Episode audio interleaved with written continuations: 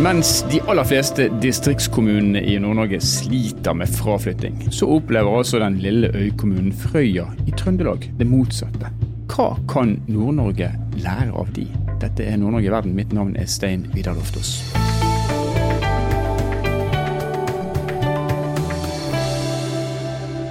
Frøya kommune det er en liten øykommune helt ute i havgapet i Trøndelag. og I dag så huser kommunen 5400 ca. innbyggere. Og 400 av disse her har kommet bare de siste fem årene. Og Fram mot 2050 skal kommunen vokse med ytterligere 1300. Og Hvordan i all verden får de dette til? For dette er en ordentlig kjerringa mot strømmen kommune. Men det får vi kanskje svaret på ganske straks, for vi har nemlig fått med oss ordfører i nettopp Frøya kommune, Kristin Strømskag. Hjertelig velkommen til oss, Kristin. Tusen takk for det, og tusen takk for muligheten til å fortelle om Frøya. Ja, det, jeg tenker at du syns det er bra som ordfører. Vi er i hvert fall veldig glad og veldig spent på å høre hva du har å fortelle. For Jeg var og kjekk litt på kartet. Det er, jo ikke, det er jo ikke alle som nødvendigvis vet akkurat hvor Frøya ligger, men det er, en, det er en ganske liten øy utenfor, eh, nesten rett vest eh, for Trondheim. og Det er nesten litt sånn fristende å, å spørre deg, har du plass til alle disse innbyggerne på den lille øyen? Å ja da. Vi har 5400 eh, øyer, holmer og skjær, så vi har plass til enda flere, vi. Og på 60-tallet så bodde jo over 6000 mennesker på Frøya, så det er plass til enda flere. Ja, her er det bare å komme. Du, jeg tror mange med meg, når man, altså når man hører, man assosierer Frøya med havbruksnæringen, med, med lakseoppdrett. Og når dere nå får til det dere får til, er det med bakgrunn i pengene som kommer fra havbruksnæringen? Altså, jeg vil si at Frøya er der vi er i dag pga. en eh, stolt eh, kysthistorie og den kystkulturen som preger oss og har prega oss i mange hundre år, egentlig. Altså, kystkulturen handler jo om å hoppe i båten når fisken er der, og prøve å snu seg rundt og ta vare på ressursene rundt seg, gjøre det beste ut av situasjonene. og Det er på en måte det som ligger i grunnen Mm. Og så har jo havbruksnæringa altså Vi ligger midt ute i havet. Vi har de beste naturgitte forutsetningene rundt oss. Og det kombinert med en gründerkultur og en vilje til å ta risiko, er jo egentlig svaret på hvorfor vi er der vi er i dag. Mm. Og så Det du beskriver der, det kunne man jo også ha sagt om veldig mange av eh, småsamfunnene langs kysten. Og Hvis vi sammenligner dere med Nord-Norge, sånn som vi har lyst til å gjøre siden vi er nå på Nord-Norge i verden, så, så, er det veldig få av de kommunene som har kan man kanskje si, de samme vilkårene, de samme mulighetene som det Frøya har, som får til det som dere gjør. Hva er det dere gjør for noe? Hva er det slags råd du sånn helt tidlig og umiddelbart kan, kan gi til de som måtte høre på fra Nord-Norge? Ja, jeg tror nok at det handler om en risikovilje. Ikke bare til næringslivet, men også til kommunen. Altså det, det, har vært tøffe tider på Frøya òg. Det er ikke mer enn ja, noe over 15 år siden vi var en Robek-kommune. Men man har på en måte hatt en vilje til å legge til rette, da, både med infrastruktur, eh, eh ja, investeringer i eh, vei, næringsarealer. og Det er på en måte den kommunale biten av det, som et svar nettopp på at vi har det litt risikovillige lokale gründerne. da, og Så må man eh, som kommune prøve å springe etter som best man kan. Mm. Kommuneøkonomien i Norge den er jo det den er. og det er jo ikke, også, De aller fleste kommunene, også der det er mye folk, sliter jo med å, med å få til de investeringene som må gjøres på infrastruktur osv. Og, eh, og en så stor økning som dere både har hatt og som dere planlegger å få i forhold til innbyggertallet deres, det vil jo ligge, legge et betydelig press på, på både boliginfrastruktur og annen infrastruktur. Hvordan jobber kommunen for å, for å klare å få til dette og få råd til det, for å si det sånn? Ja, eh, man har jo vært villig til å ta noen risikoer underveis her. Eh, men eh, sånn hvis jeg skal svare ut det på boligstruktur, så har jo vi egentlig et litt sånn velfungerende boligmarked der lokale utbyggere både tar reguleringsprosesser og bygger ut boliger i alle varianter. Det er jo ikke så mange år siden at det var egentlig bare eneboligtomter og eneboliger man trodde at folk ville ha, men så har man jo sett at eiendomsmarkedet utvikla seg, og man har bygd mer rekkehus, småhus, leiligheter førstegangsboliger, seniorleiligheter. og det er private utbyggere rett og slett som møter det behovet som markedet har utpå. Eh, så må vi jo kanskje si at Nedsida av det er jo at vi har en del grupper som detter utenfor boligmarkedet, og som da blir kommunen sitt ansvar å legge litt ekstra til rette for. da. Ja. Men hvis du ser på, på, distriktene ellers i landet, så er jo det det som er på en måte tonen, det er at det koster nesten like mye å bygge et hus i distriktet som det koster å bygge et hus i byen. Og så er jo markedsprisene slik at når huset er ferdigbygd, så, så er det mindre verdt enn det det koster å bygge det. Er, er, er det ikke slik på Frøya? Er dere mer i takt med det som skjer i byen, eller? Ja, vi er nok det. Det er veldig få som taper pengene sine på å bygge ut boliger på Frøya. Og man får igjen pengene sine hvis man skal over i større bolig. Og vi får selvfølgelig ikke den samme prisutviklinga som er i storbyene som Trondheim. Eh, men det, det er ikke noe minusprosjekt å investere i bolig. Nei. Kommunen er på tilbudssiden, der finnes private utbyggere som er villige til å ta risiko. Men hva kommer først? Bygger dere boligene, og så kommer folkene, eller er det omvendt?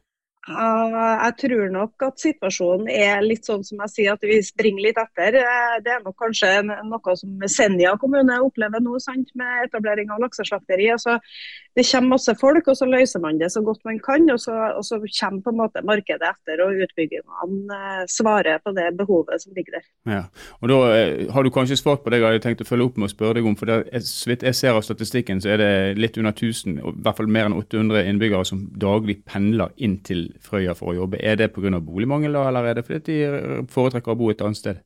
Nei, Jeg vil nok tro at det, deler av svaret på det er jo at de jobber jo mye skift her. Ute på anleggene så er det jo en uke på en uke av. og Så har vi jo opptil flere rederier her, og de har jo to uker eller tre uker eller en måned på og en måned av.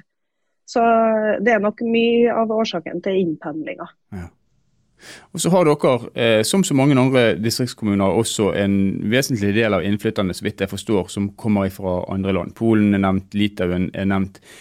Er dette jeg, sesongarbeidere eller folk som kommer for en kort periode og så reiser de hjem igjen, eller er det mennesker som, som integreres og som blir i kommunen?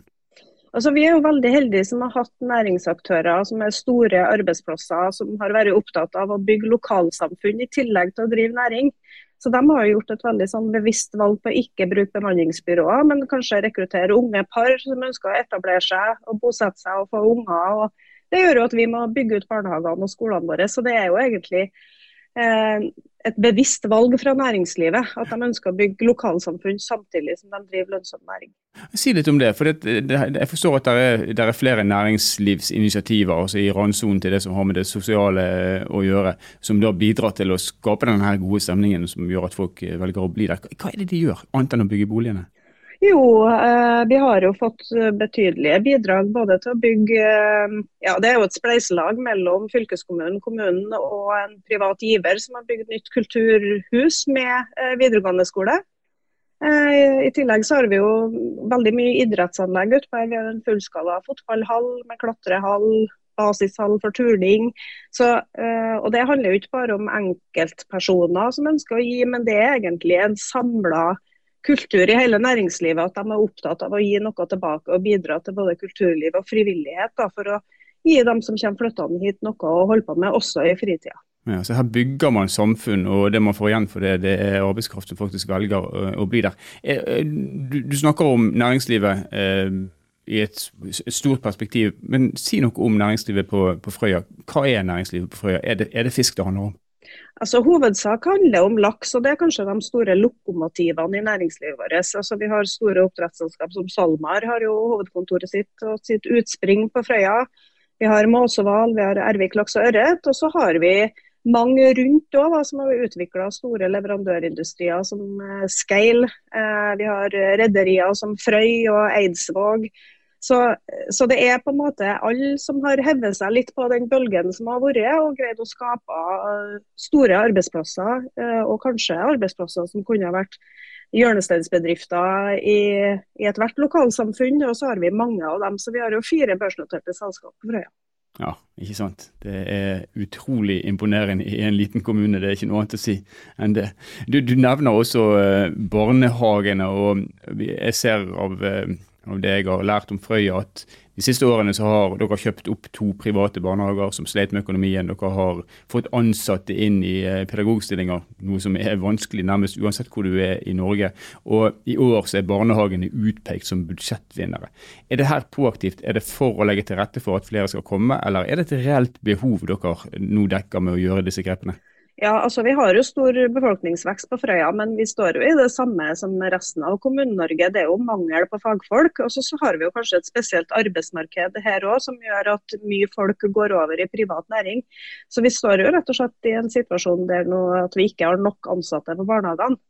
Eh, og Det gjør jo at vi måtte ha redusert stengningstida, noe som gjør at eh, de ansatte som skulle ha vært på jobb til næringslivet og i kommunen, eh, må færre fra arbeid tidligere. Altså, det er et sånt samfunnsmaskineri da, som skal gå sammen. og Våre svar på det er egentlig det å prøve å øke grunnbemanninga, få flere på jobb og gjøre det mer attraktivt å jobbe i barnehage. Eh, sånn at vi får møte behovet til de foreldrene som har ungene i barnehagene. Så det, det, er egentlig sammensatt. da. Men det, Dette er interessant, du, dere har eh, hjørnesteinsbedrifter eh, som du har vært inne på, som er næringer som eh, har, har, bra med penger, for å si det med et folkelig språk. Det betyr at de betaler gode lønninger. Og så skal kommunen være der og, og tilby sine kommunale tjenester og ansette kommunale mennesker. Drives lønnspresset opp, sånn at det blir vanskelig for kommunen når man, man får pengesterke private arbeidsgivere? Ja, eh, vi ser jo at vi måtte ha gjort en del grep for å være en attraktiv arbeidsgiver lokalt. Eh, og også for å tiltrekke oss flere eh, utenfra. Så vi har fått på plass en del sånne ja, turnustillegg, signeringsbonuser, en del rekrutteringstiltak som vi er spent på hvordan virker nå. da. Og så tenker jeg at Det løses jo òg i en god dialog med næringslivet. Eh, for det er klart at De er avhengig av at det er barnehagelærere i barnehagen som tar vare på ungene, sånn at deres ansatte kommer seg på jobb. Og at de ikke nødvendigvis plukker alle fagfolkene våre over i stillinger i privat næringsliv. Så det handler egentlig om en sånn forståelse av at samfunnsmaskineriet skal gå for alle parter, og det gjør vi best i en god dialog. Vi har vært inne på innflytterne. Eh, vi nevnte folk fra de baltiske landene. Er det, er det, i hovedsak folk fra andre land som kommer til dere, eller klarer dere også å tiltrekke dere mennesker fra, fra distriktene rundt dere og andre steder i Norge? Nei, Vi er attraktiv tilflyttingskommune, det er vi. Eh, det er jo, når vi har fire børsnoterte selskap med hovedkontorene her, så trenger vi mye høykompetent eh, arbeidskraft. sånn at det er, mye, altså det er et bredt spekter med kompetanse vi trenger. Eh, og så ser vi jo også at i og med at det er den der positiviteten og den driven rundt Frøya-samfunnet, så får vi jo ungdommene våre til å helst ut i verden noen år da, og få seg høyere utdanning og få med seg noen erfaringer. Og så kommer de tilbake når de sjøl får unger. Så det, det, er begge delene, egentlig. Ja. Og Du sjøl er jo også innflytter. Du, selv om ja. uh, de fleste som hører på vil tenke at ja, hun er sikkert fra Frøya for hun er trønder, men du er fra Levanger egentlig. Hva var det som trakk deg til Frøya? Nei, Jeg møtte kjærligheten i Trondheim, da, vet du, i storbyen. og Bodde der i ja, ti år og fikk tre unger. Men i 2011 så var jeg jeg snakka med han, han jeg er gift med, og han sa at jeg husker jeg brukte bare å ta dem med utover når det var finvær. vet du. Så, og så har jeg oppdaga det nå, at det er ikke bare finvær utpå her. Men eh, nei, det var en, et ønske om å, litt å få realisert en, en husdrøm som var vanskelig i Trondheim. Men så er det jo òg noe med små plasser der du får muligheten til å ta den plassen du ønsker og er villig til i lokalsamfunnet. Altså Det åpner seg masse muligheter på små plasser. Om det er innenfor frivillighet eller kulturliv eller politikk, sånn som meg. eller altså Man har muligheten til å engasjere seg hvis man ønsker når man kommer til en mindre plass. Og så var det selvfølgelig et ønske om å gi ungene våre en helt annen oppvekst enn å bo i en storby. Ja. Det var et triks der hørte jeg mellom linjene. Ta med din utkårede til hjemplassen din når det er fint vær. Det var det jeg skulle gjort for 30 år siden. Det var kanskje litt vanskeligere å finne fint vær i Bergen, men eh, det, det, jeg skulle nok ha snakka med deg tidligere, Kristin. Det hører jeg. Du, eh, I Nord-Norge så testes det også ut, eller testes ut, vi har eh, en, en rekke trainee-programmer som da man ser evner å tiltrekke seg unge mennesker fra andre deler av landet. og En del av de blir værende igjen i den kommunen, kanskje den bedriften til og med som de jobber i. Eh, Frøya og Trøndelag har også flere programmer av denne typen, altså trainee-programmer. Og Du var, så vidt jeg vet, også trainee tilbake til eh, tilbake i 2012. Eh, der omkring. Ser dere noen effekt hos dere av disse trainee-programmene? Er det egnet til å trekke til seg mennesker? Ja, det er det absolutt. Eh, de får jo da muligheten til å se bredden innenfor havbruksnæringa. Du skal ikke så langt innover i Trøndelag før måte, kunnskapen om havbruksnæringa er ganske mye lavere enn den er utpå her. Eh, mm. Så det å gi muligheten til å få innblikk i en veldig spennende bransje som nå er kunnskapsdrevet og høyteknologisk. Og, og bidrar med noe viktig i verden. altså Produsere sunn, bærekraftig mat som skal fø mm. verdens befolkning. Det, det, gir oss noen muligheter til å vise oss fram for mange flere. Da. Og Vi har jo tette samarbeid med NTNU, bl.a. med brohodesamarbeid, som det heter, da, der vi får masse studenter fra NTNU utover hit, og som skriver masteroppgaver inn til havbruksnæringa. God og tett dialog med utdanningsinstitusjonene. Ja, og finner ut at Frøya eh, det kan være plassen å ja. bli på. Det er det som er målet.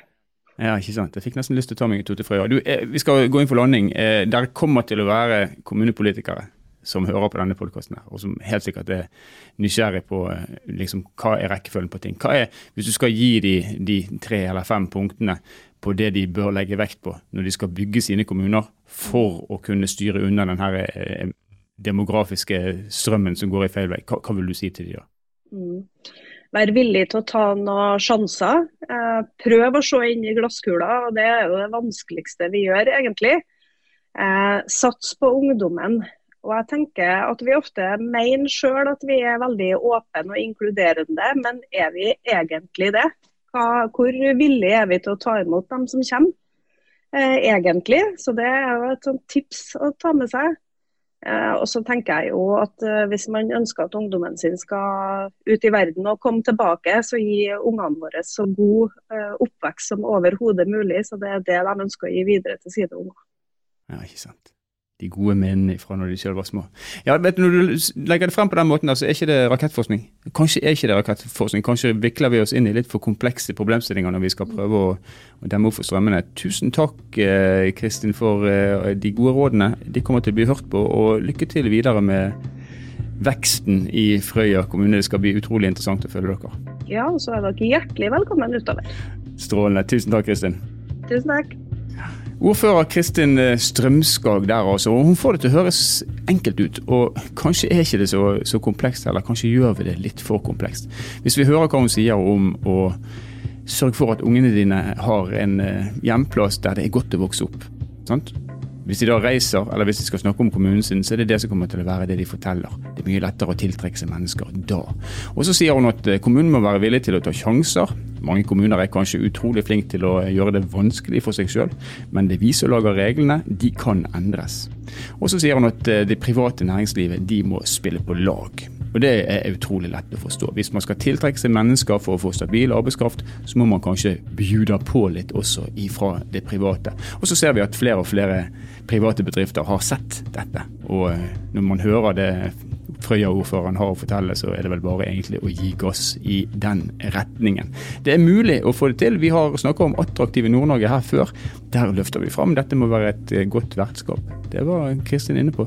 Er vi egentlig så inkluderende og gjestfrie som det vi liker å tenke at vi er?